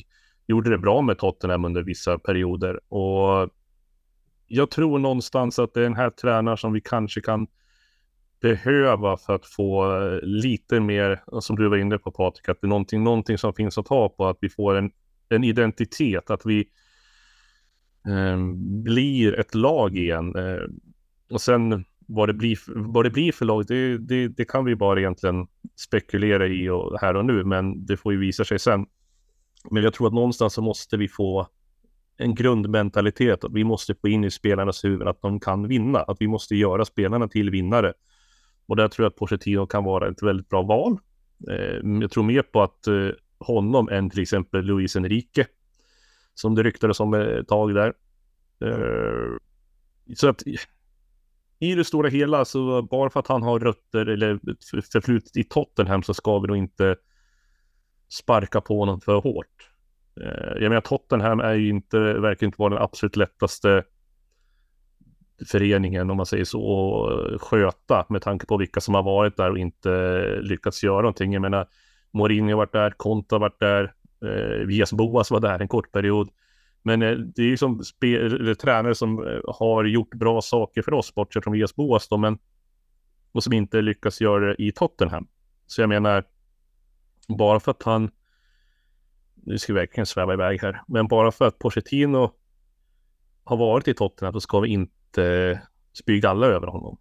Eh, jag tror att han är väl medveten om de kopplingarna som finns, annars hade han ju varit ja, vad ska man säga? Ah, om inte han vet en, att, det, att det är en rivalitet mellan Tottenham och Chelsea, då, då kan det bli jobbigt. Ja, det. Så att, nej men jag, just det som du tryckte på, att jag tror jag hittar identitet. Eh, hitta vart Chelsea ska vara någonstans nu. Eh, vi har ju varit här som du nämnde, ett lag som har vunnit titlar, vunnit matcher. Eh, vi givetvis ska förväntas att Chelsea är det laget nu. Ehm, så att jag tror att får Pochettino snurr på det här under sommaren så kan vi nog ha en identitet att prata om till eh, nästa säsongsavslutningspodd kanske. Mm. Förhoppningsvis. Det är intressant det här med förväntningar. Ni båda var lite inne på det.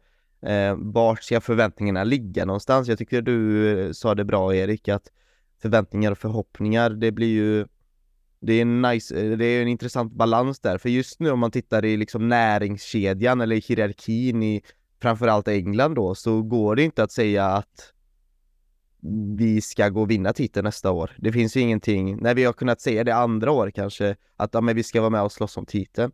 Vi har ju länge pratat om att ja, vi måste närma oss eh, City och Liverpool, hette det ju ett tag. Men nu går City och vinner trippen som att det är ingenting. De har liksom en rekordman längst upp där på topp i Erling Haaland. Ehm, de har ett otroligt komplett lag och de har förmodligen den bästa tränaren i, i, ehm, i historien liksom i fotboll. Um, ja, för, för, mig är det Mourinho då som är det. Men liksom det pratas ju om att det är Guardiola och jag köper det argumentet helt och hållet. Mourinho är ju självklart eh, hjärtat som säger det. Men eh, vart är vi egentligen i den näringskedjan och vart ska förväntningarna och förhoppningarna då, Erik, ligga egentligen? inte det liksom kanske den mest intressanta diskussionen? Vi har ju blivit lite halvcurlade då som Chelsea-supportrar att vi ska vara där och vinna titlar. Och gör vi inte det så blir vi besvikna och eh, vi vill slänga tränare och spelare höger, vänster. Eh, det är någonting vi måste lära oss där med att ha tålamod och ja, inse att det är en ny era på något sätt. Ja, eh, alltså vi har ju många bra spelare, det får man inte glömma bort. Och en sån här säsong, det är näst, jag tycker nästan... Ja, eller jag är beredd att säga att det, efter en säsong, man kan inte ha med den i, i ett resonemang med var vi står, för att den är så jävla konstig på alla sätt och vis. Mm. Jag tycker nästa säsong får visa sig, får det visa sig var vi står. Blir vi överkörda av eh, alltså, lag som vi absolut inte ska bli överkörda av, jag behöver inte ens nämna namnen på dem, ni vet vilka jag menar, så det ska ju förhoppningsvis inte hända. Och händer inte det, då är vi inte där heller. Jag tror inte, jag hoppas och tror inte att vi kommer vara det heller. Vi ska, nu var inne på det tidigare, framförallt du Patrik, med identitet och vilka är vi, vad, vilka vill vi vara? Jag hittar ingen anledning till att Chelsea inte ska vara ett lag som vinner betydligt fler matcher än förlorar fortfarande. Och att mm. eh, nu finns det inga Europatitlar att gå för, men att definitivt spela till sig en Europaplats. Sen är det svårt i fotboll också att säga för att vi kan, ett, vi har ju fönstret öppna på torsdag. Mm. Så vi kan sitta och prata om någonting här så plötsligt så slänger eh, fem Premier League-lag in tre stjärnspelare, vi gör det inte. Eller så är det tvärtom och då blir förutsättningar helt annat. Alltså ställa in två damer på ett, ja, det går ju inte i sig men jo det gör ändå, du kör tornet hela vägen på schackspel. Ställer du in två damer på schackbrädet liksom, då ändras förutsättningarna. Men utifrån vi står idag så jag hittar ingen annan att vi inte ska vinna precis mer vi förlorar. Det är mm. det vi jobbar för. Det är ändå viktigt där du är inne på att eh, liksom de förväntningarna från oss fans måste ju fortfarande vara det. För annars så att inte vi blir liksom apatiska och liksom så här, ja ja, så länge vi når topp fyra, för då hamnar vi någonstans det här, det här eh, liksom Arsenal-Tottenham syndromet liksom att, ja men vi nöjer oss med en topp fyra utan att vi fortfarande ska vara en supporterskara som pratar om att vinna både matcher och titlar och vara där och slåss. Um, det tror jag också ambitionen är från ledningen, men det är nog viktigt att vi supportrar inte tappar det heller. Jakob, eh, det här med förhoppningar och förväntningar, vad tycker du att förväntningarna ska ligga? Alltså, ska man, i mitt perspektiv så ska förväntningar vara nu efter den här säsongen som har varit som den var. Eh, så ser jag, vi har inget Europaspel som kommer. Så att full fokus är ju liksom eh, ligan och nu ska vi inte gå och tampas med att vi ska utmana City kanske direkt här för att City är så pass eh, långt ifrån oss för tillfället, alltså ljusår, både vad gäller organisationsmässigt och eh, lagmässigt. Eh, och City kommer även, som du nämnde, med en trippel i bagaget inför nästa säsong. Så ja, men jag tror att någonstans vi ändå ska vara med. Vi ska vara i toppen. Och nu är vi lite inne på det här. Ska vi nöja oss med en topp fyra? Nej, vi ska inte gå in på någon sån här Arsenal Tottenham loser-mentalitet. Det är inte det jag nämner, utan jag menar bara att mot förra säsongen så är kravet att vi ska vara i toppen. Alltså, det, vi är den klubben eh, som inte ska harva det vi har gjort, utan eh, får vi bara till det här nu eh, under sommaren här. Vi får in, vi blir av med lite eh, dragspelare och vi får in lite nytt eh, blod. Så eh, kommer nog förväntningarna vara att vi ska i alla fall vara med och tampas. Nu säger jag inte topp fyra, men jag säger topp tre då. Låter det bättre? Det låter bra. Eh, alltså, mina, förväntningar ligger i alla fall där. mina förväntningar ligger i alla fall där att vi, vi ska vara uppe i, i topp tre och nosa. Det, sen, jag har inte förväntat att vi ska vinna ligan nästa säsong, det är inte det, men det hade bara varit ett eh, plus i kanten om vi skulle göra det. Det är ett jävla stort plus i kanten. Mm. Men allt som händer nästan bara bättre än förra säsongen. Det är väl så jag kan summera det. Precis. Min största önskan är att vi blir en välmående klubb. Blir vi det så kommer det Ja, vi kommer odla framgång på det sättet tror jag. Eh, och då måste vi ha struktur och lugn och ro och långsiktighet. Eh, det kan man bara se överallt. Alla de som vinner titlar eh, ja, har oftast, i alla fall långsiktigt, och gör det ofta, har ju oftast en stark organisation och långsiktighet bakom sig. Men det kommer ju vara en spännande sommar när det kommer till eh, spelare ut och in och nästa fråga är ju hur vill du att startelvan ser ut inför säsongen 23-24? Och jag tänker innan vi svarar på just den frågan så kan vi ställa en eh, parentesfråga, vilket är vilka spelare vill ni få ut och vilka vill ni få in? Um, nu vet jag inte om ni har förberett detta, så jag, jag, jag, jag kan ju börja då. Um, då gör jag bara enkelt lista de här spelarna. Uh, ut för mig då, Havertz, Koulibaly får gärna gå på lån. Aubameyang bort, Pulisic bort. Uff, här kommer göra ont Jakob. Gallagher. Mycket pengar in. Mot, mot, motivering? Eh, bra pengar in, net, net cashflow in. Eh, Aspiqueta ut. Och så Kokorea om det går eh, ut. Eh, in vill jag ha Onana i mål. Just det, ut måste ju vara Kepa och Mondi i så fall också då. Ja, in vill jag ha Onana. Jag vill ha in eh, Declan Rice eller Moises Casedo, någon utav dem, helst båda, det kommer nog inte att gå. Rice är väldigt nära Arsenal ser det ut som. Caicedo kanske går att få. Eh, Ugarte har jag ju skrivit här, men det är ju också för sent. Jag skrev den här listan förra veckan, för två veckor sedan. Osimhen vill jag in och sen Ivan Tony vill jag få in också. Även fast han inte får spela fotboll på ett halvår. Eh, så ja, där är min lista in och ut. Eh, vill, ni, vill ni ta efter det Jakob? Du hade ju kommentarer på Gallagher där det ganska snabbt hörde jag. Ja, men alltså. Jag har ju sagt nämnt det förut, men Gallagher tycker jag, han är ingen, ingen startspelare. Han möjligtvis starta för eh, ligacupmatch och lite sådana där grejer, men han är ju fortfarande ett jäkla energiknipp att få in och han har ju sagt gör ju det här slitet och det här lite brutala kanske som vi oftast kan behöva. Men nog om honom, men han, han är inte på min utlista i alla fall. Eh, utan han är ju kvar. Eh, och jag har förberett lite i huvudet bara på den här för, eh, av det jag har gått och tänkt på under en längre period. Eh, men det var det som var intressant som jag reagerade på din där när du sa både Kepa och Mandy och sen har vi en eh, Onana in till exempel. Du vill inte ha någon eh, backup till det eller ska vi köra på Bettinelli? Nej, eh, Bettinelli känns bra. Sen har vi ju eh, den fantastiska Slonina som har gjort ett bra U20 VM. Eh, det hade nog inte varit fel. Även fast han kanske hade gjort sig bra i ett lån eller någonting så hade det inte varit eh, fel att kanske ge han lite kuppmatcher eh, också till hösten. Nej, men jag ska se, nu kör vi ut då. De bara, bara radar upp eh, rent krasst. Pulisic, Ziyech, eh, Chaloba har jag tagit med också. Mm -hmm. eh, Aspilicueta, Havertz, eh, Loftus-Cheek. Det är nästan, nästan hela laget här nu. Eh, och så har jag tagit Kepa faktiskt, eh, men behållt Mandy. Broja. Mm. Nu Patrik, nu, nu. nu. eh, Kukureya såklart. Eh, det är väl de jag har. Mm. På min. Och nu kommer du säkert få frågan kommer varför Armando Broja?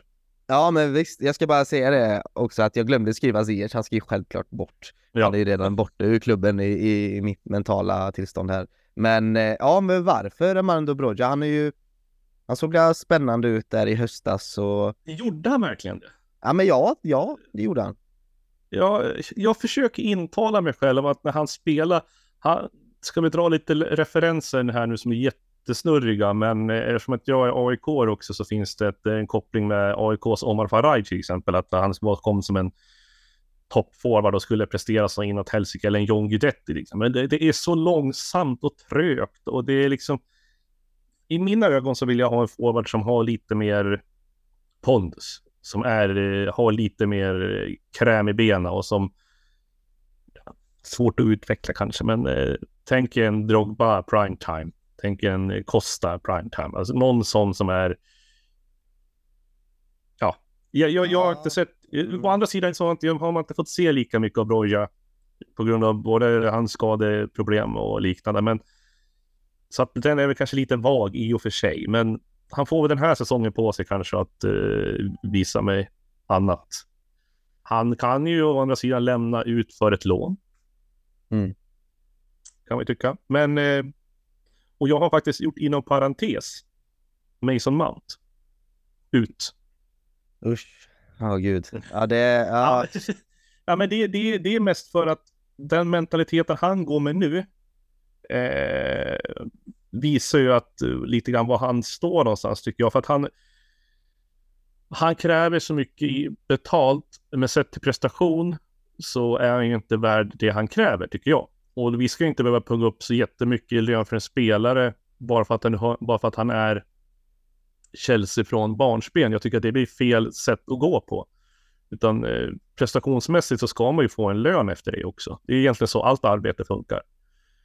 Och vill man, vill man inte acceptera sitt läge och istället välja att eh, titta åt eh, Manchester United, jag menar då, nej, då, då, lämna bara i så fall. Alltså stök, stöka inte till det för mycket nu och behåll honom eh, och det blir jättedålig moral i omklädningsrummet. Och, nej, så det där, jag tror det bara kan bli farligt om vi behåller honom i det här dagsläget.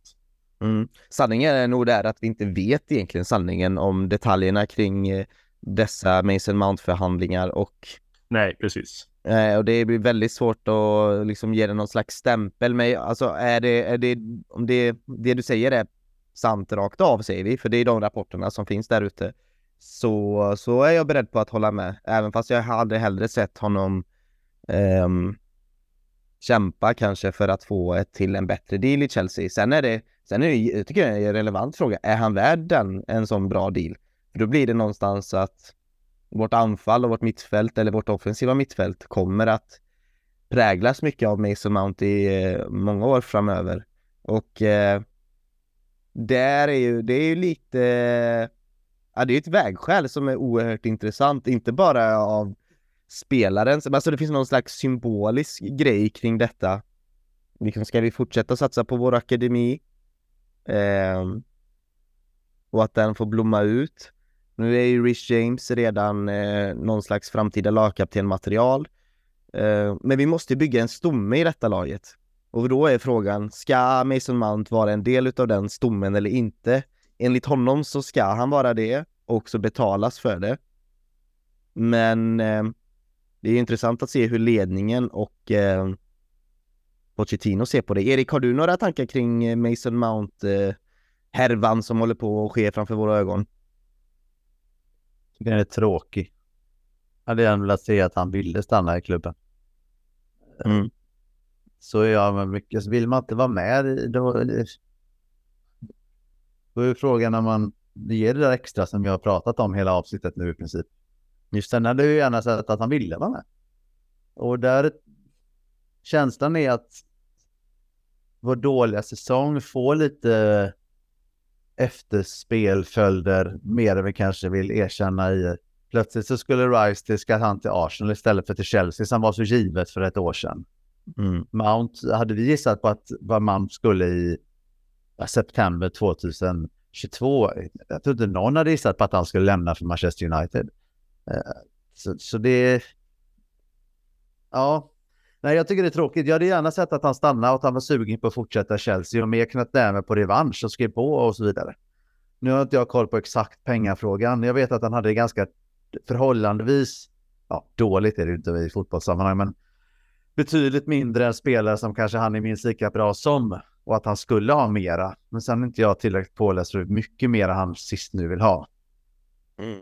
Vet inte jag. Men Kanté var ju väldigt bra betalt, så åtminstone fått loss lite pengar om man ser det så. Jag, ska se, om, jag tycker bara om man ska se om det ska bli en form av eh, säsongs eh, prestationsbaserad löneförhöjning om man ska ha det i bagaget så är inte det något jättebra eh, att komma med och lägga upp på löneförhandlingsbordet liksom efter, ja men titta vad jag gjort den här säsongen. För att Mount har ju absolut inte gjort sig i mitt tycke förtjänt av en ett lönelyft likt eh, det som ryktades om att han ville nå upp till Reece James som jag förstod det. Att eh, mm. det var där lönenivån skulle vara.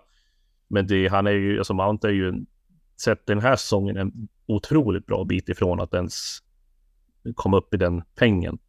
Om man jämför med Reece James då. Mm. Jag, jag tycker det är tråkigt att han inte, men vill han inte vara med och, och han får de pengarna annanstans så är det kanske inte så mycket att, att snacka om i slutändan, tyvärr. Nej, tyvärr. Fan vad konstigt att det är just United också. Det kommer kännas så jävla weird att se han i den röda tröjan. Eh, ifall det skulle ske då. Sen vet vi inte, alltså det man vet inte vad som var sant. Ena dagen verkar det som att ja, nu är vi närmare att komma till en lösning här. Andra dagen är det ja, han är på väg att skriva med United. Eh, det är svårt att veta vad som är sant och då är det ofta från liksom eh, vad heter det, alltså det, det, är bra källor man läser därifrån. Det är inte liksom Daily Mail och The Sun hela tiden, utan det är liksom Matt Law och Fabrizio Romano som skriver att ena dagen ser det ut att han förlänger, ena dagen ser det ut som att han drar. Så mm, man vet inte riktigt vad som är sant eh, med Mason Mount, men eh, ja, det skulle vara en stor symbolisk förlust att tappa Mason Mount, eh, tycker jag. Och eh, det känns ju som att han, hans potential är ju, nu kanske jag tar i då och är otroligt färgad av att jag tycker om honom så himla mycket, men han var ju mycket bättre än vad Kevin De Bruyne var i hans ålder. Eh, alltså mycket bättre och mer betydelsefull för sitt lag. Så kom ihåg att han är en ung fotbollsspelare med som, ja, ska älska Chelsea och vill göra allt för klubben. Men de här kontraktsförhandlingarna har fått den att tveka lite faktiskt. Så nej, jag tycker det har varit jättetråkigt om man drar eh, faktiskt. Och eh, inte bara för att han är Chelsea då, utan för att han är också en jävligt bra fotbollsspelare som gör poäng. Eh, liksom, även fast denna säsongen har varit eh, kass, men den har varit kass för alla spelare nästan i, i vårt lag. Så nej, men det var Mason Mount där. Ska vi prata lite startelva då, hur vi vill att den, eh, hur den ska se ut inför nästa säsong då? Vi vet ju att Nkunku kommer förmodligen komma in och ta en plats där, eh, förmodligen. Har ni någon eh, startelva redo? Jag har inte det. Det blev tagen lite på sängen. Men också mm. lite för att det är lite rörigt vilka som spelar och vilka spelar inte och sådär. Mm. Jag, brukar, jag brukar tycka sånt är ganska kul annars, men det har varit så mycket kring besvikelser i spelare som inte kommer in och det här med Mount att han kanske lämnar och så det liksom, jag har blivit lite avtrubbad i det. Ja, men jag kan sätta upp min drömelva då inför nästa säsong och då har vi Onana i mål. Eh, vi har Chili, vänsterback, Badiashil och Fofana får vara mittlås även fast Silva kanske borde ha en given plats där. Eh, när jag tänker för framtiden här. Reece James, högerback, självklart. Det är ett 4-2-3-1 jag ställer upp med alltså. Och så mina två uh, double pivots där är Declan Rice och uh, Enzo Fernandes. Det hade ju varit jäkligt häftigt att se det. Uh, sen längst upp där den här frontfyran. Uh, Sterling på vänsterkant, Mason Mount som tia. Oh, det hade varit så jäkla nice att se. Eh, Madueke som högerytter och eh, Osimhen längst fram. Det låter sexigt. Det gör det faktiskt. Ja. Eh, jag har väl ingen, jag har ingenting att tillägga på den startelvan egentligen. Men Gallagher är ju inte med i startelvan. ja, men han, är, han, han, är ju ingen startspelare utan han är ju han är den som kommer in där i 60-65 minuter och bara mörsar på. Det är det hans roll är liksom. Supersub. Precis. Ja. Men han, han, han, han, skapar energi på plan. Det är det. Mm. Han lyfter lite grann. Sen nu verkar det ju då som att Declan Rice inte kommer vara där, så det kanske blir Caicedo då jämte Enzo. Men ja, Jakob, ta efter. Nej, jag, jag, jag såg bara nu, du fick upp en, en notis på telefon här att uh, nu är det ju väldigt uh, saltkara källor från uh, The Sun on Sunday, men att uh, Chelsea har, det står Chelsea agree on Nana terms. Mm -hmm. Chelsea have reportedly agreed personal terms with André Onana as they prepare for him to become their first new choice keeper dagsfärskt, kom precis. Det har breaking news i podden här, ni hör. Jajamän, men som sagt, det är lite saltkar där med det från The Sun on Sunday, så att vi, det, men det är i alla fall någonting som kanske är lite positivt. Jag har också en, en, en som jag fick upp här för två minuter sedan. Mm. Att eh, Pierre, Pierre-Emerick Aubameyang eh, eh, ryktas till AIK. AIK Solna. Jag tror det är att eh, ja, Aubameyang ska få vara ny första goalkeeper här i nästa. Så, uh. Ja, nej, men det var även The Sun tror jag som rapporterade om att eh, Mount hade skrivit på uh, något, eller personal terms med United skulle vara klart tror jag. Ehm, om jag inte minns fel. Ja, vi får se vad som är sant och inte, men vad gillar ni, vad tycker ni om Ivan Tony? Ivan Tony grejen då, ha honom som liksom supersub där i till vintern eller januari när han väl får spela fotboll? Ja, alltså, om jag, jag, alltså Ivan Tony skulle ju vara ett eh, sjukt bra komplement till eh, egentligen vilken forward som helst att slänga in. Eh, alternativt ha i cupmatcher eller matcher där det behövs vilas på stjärnmaterial. Och jag menar, vi har ju haft några sådana släpande bänkvärmare som ändå har kommit in och gjort det jäkligt bra. Vi tar, tar till exempel Giro. Han var ju tänkt att vara liksom en backup forward, men han slutade med att han i princip eh, var våran enda forward. Mm. Så att, och jag tror också att Tony, han, eh, han skulle då fan passa in jäkligt bra. Alltså, ja, det är någonting med honom man har sett. Alltså, det är...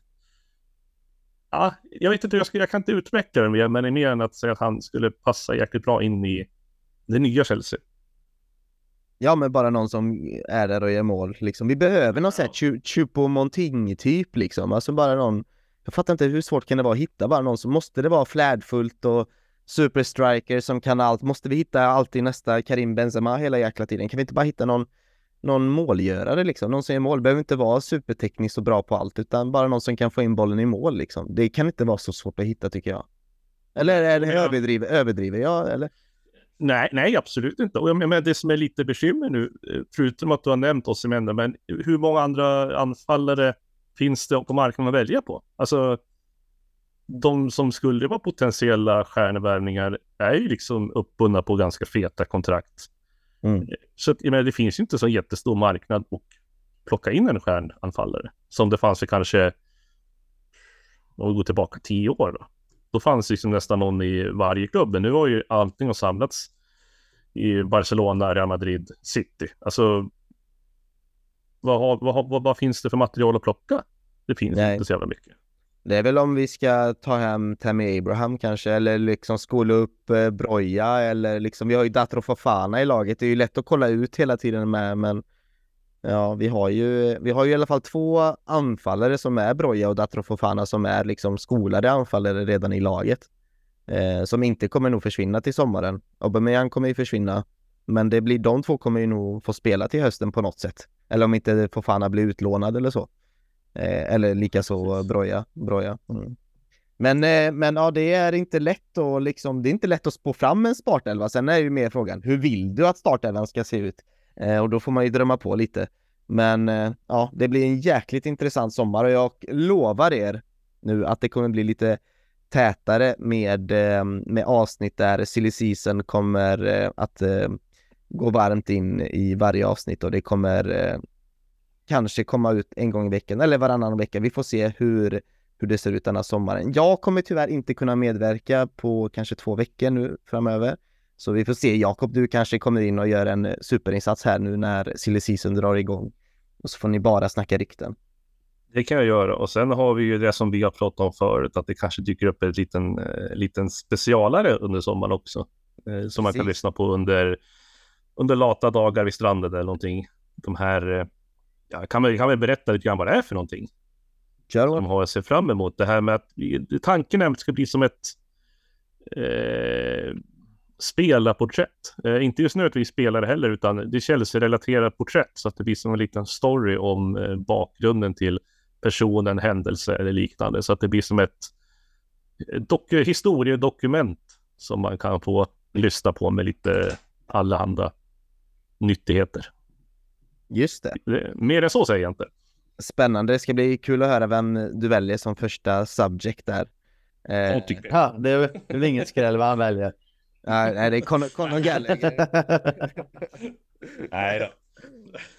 Ja men det är bra killar. Det jag tycker vi tackar för idag. Det har varit ett långt avsnitt och det har varit svårt att bena ut det. här. Det har varit mycket. Vi har ju massa matcher med. Vi hade ju City-matchen och United-matchen och ja, Newcastle-matchen. Men det är ingenting jag behöver prata om. Säsongen är över officiellt och vi kommer inte prata mer om den här säsongen. Eh, de kommande avsnitten om det inte är något vi måste relatera till. Men härmed stänger vi säsongen eh, 23-24. Nu är den ju officiellt över i hela Europa med tanke på att alla ligor är avslutade och Champions League-finalen är avklarad. Vi konstaterar alltså att Chelsea slutar på 12 plats. Vi åker ut i eh, vad är det, kvartsfinal mot Real Madrid i Champions League och eh, kupparna, alltså det är ju City som har varit boven i dramat i de inhemska kupperna. Eh, och lite överallt faktiskt om man ska vara sån. Eh, ja, vi konstaterar att det varit en skitsäsong. Turbulent, kaos, Chelsea heaven, Chelsea hell, mindre heaven denna säsongen. Men kanske mer nästa säsong. Och eh, därmed vill jag tacka eh, för idag och tack grabbar för att ni kunde ställa upp och tack till dig Erik som ända från Korea, alltså Sydkorea, har eh, länkat in i mötet. Självklart. Tack så mycket. Och stort tack till dig Jakob och vi kommer ju höra mer från dig nu eh, denna sommaren. Det ser vi fram emot. Ja, tack själv. Jag sitter faktiskt ända ute i Möcklinta utanför Sala så att jag är på distans jag med. Men kanske inte i Korean. Jag är mitt ute i ingenstans. Nej, men det var det är kul och det känns som att eh, ja, jag har ju inte haft podden på det här året på det sättet som det var tidigare. Det har väl haft sina förklaringar till höger och vänster, men nu är liksom det, det är tillbaka lite grann och jag tror att nästa säsong och sommaren här kan bli jäkligt roligt med mycket poddande och eh, annat gött. Verkligen. Mycklint Korea, Borås. Det är en fin eh, trio där. Gillar du vad vi gör och vill vara med och påverka innehållet i podden så eh, kommentera gärna dagens avsnitt i våran grupp som nu heter Chelsea-podden by CSS på Facebook. Gå även med i våran Discord där du kan hitta oss och eh, läsa massa gott. Vi kommer även bjuda in lite speciella Discord-gäster in i podden som är väldigt duktiga på både ekonomi och huvudfokus på silly season och så. Det har ni något att se fram emot. Vi hade ju Jojje där i i januari var det, precis efter att fönstret stängde, kanske var tidigt februari när han var med och gjorde ett bra jobb. Han kommer vi höra mer utav i sommaren förmodligen. Ett annat sätt att bidra är att bli medlem i Chelsea Supporter Sweden och det kommer ju ni kunna bli i början, eh, i slutet av sommaren här då. Eh, så håll ögon och öron öppna för det. Eh, gå även in på vår svenska fans eh, på svenskafans.com snedstreck England snedstreck Chelsea där du kan ta del utav all silly season-nyheter och eh, ja, med de nyheterna som kommer egentligen prägla klubben denna sommaren. Ehm, och kanske lite krönikor som också kommer skrivas av vår duktiga redaktion på CSS. Ehm, stort tack till dig som har lyssnat. Keep the blue flag flying high. Hej då!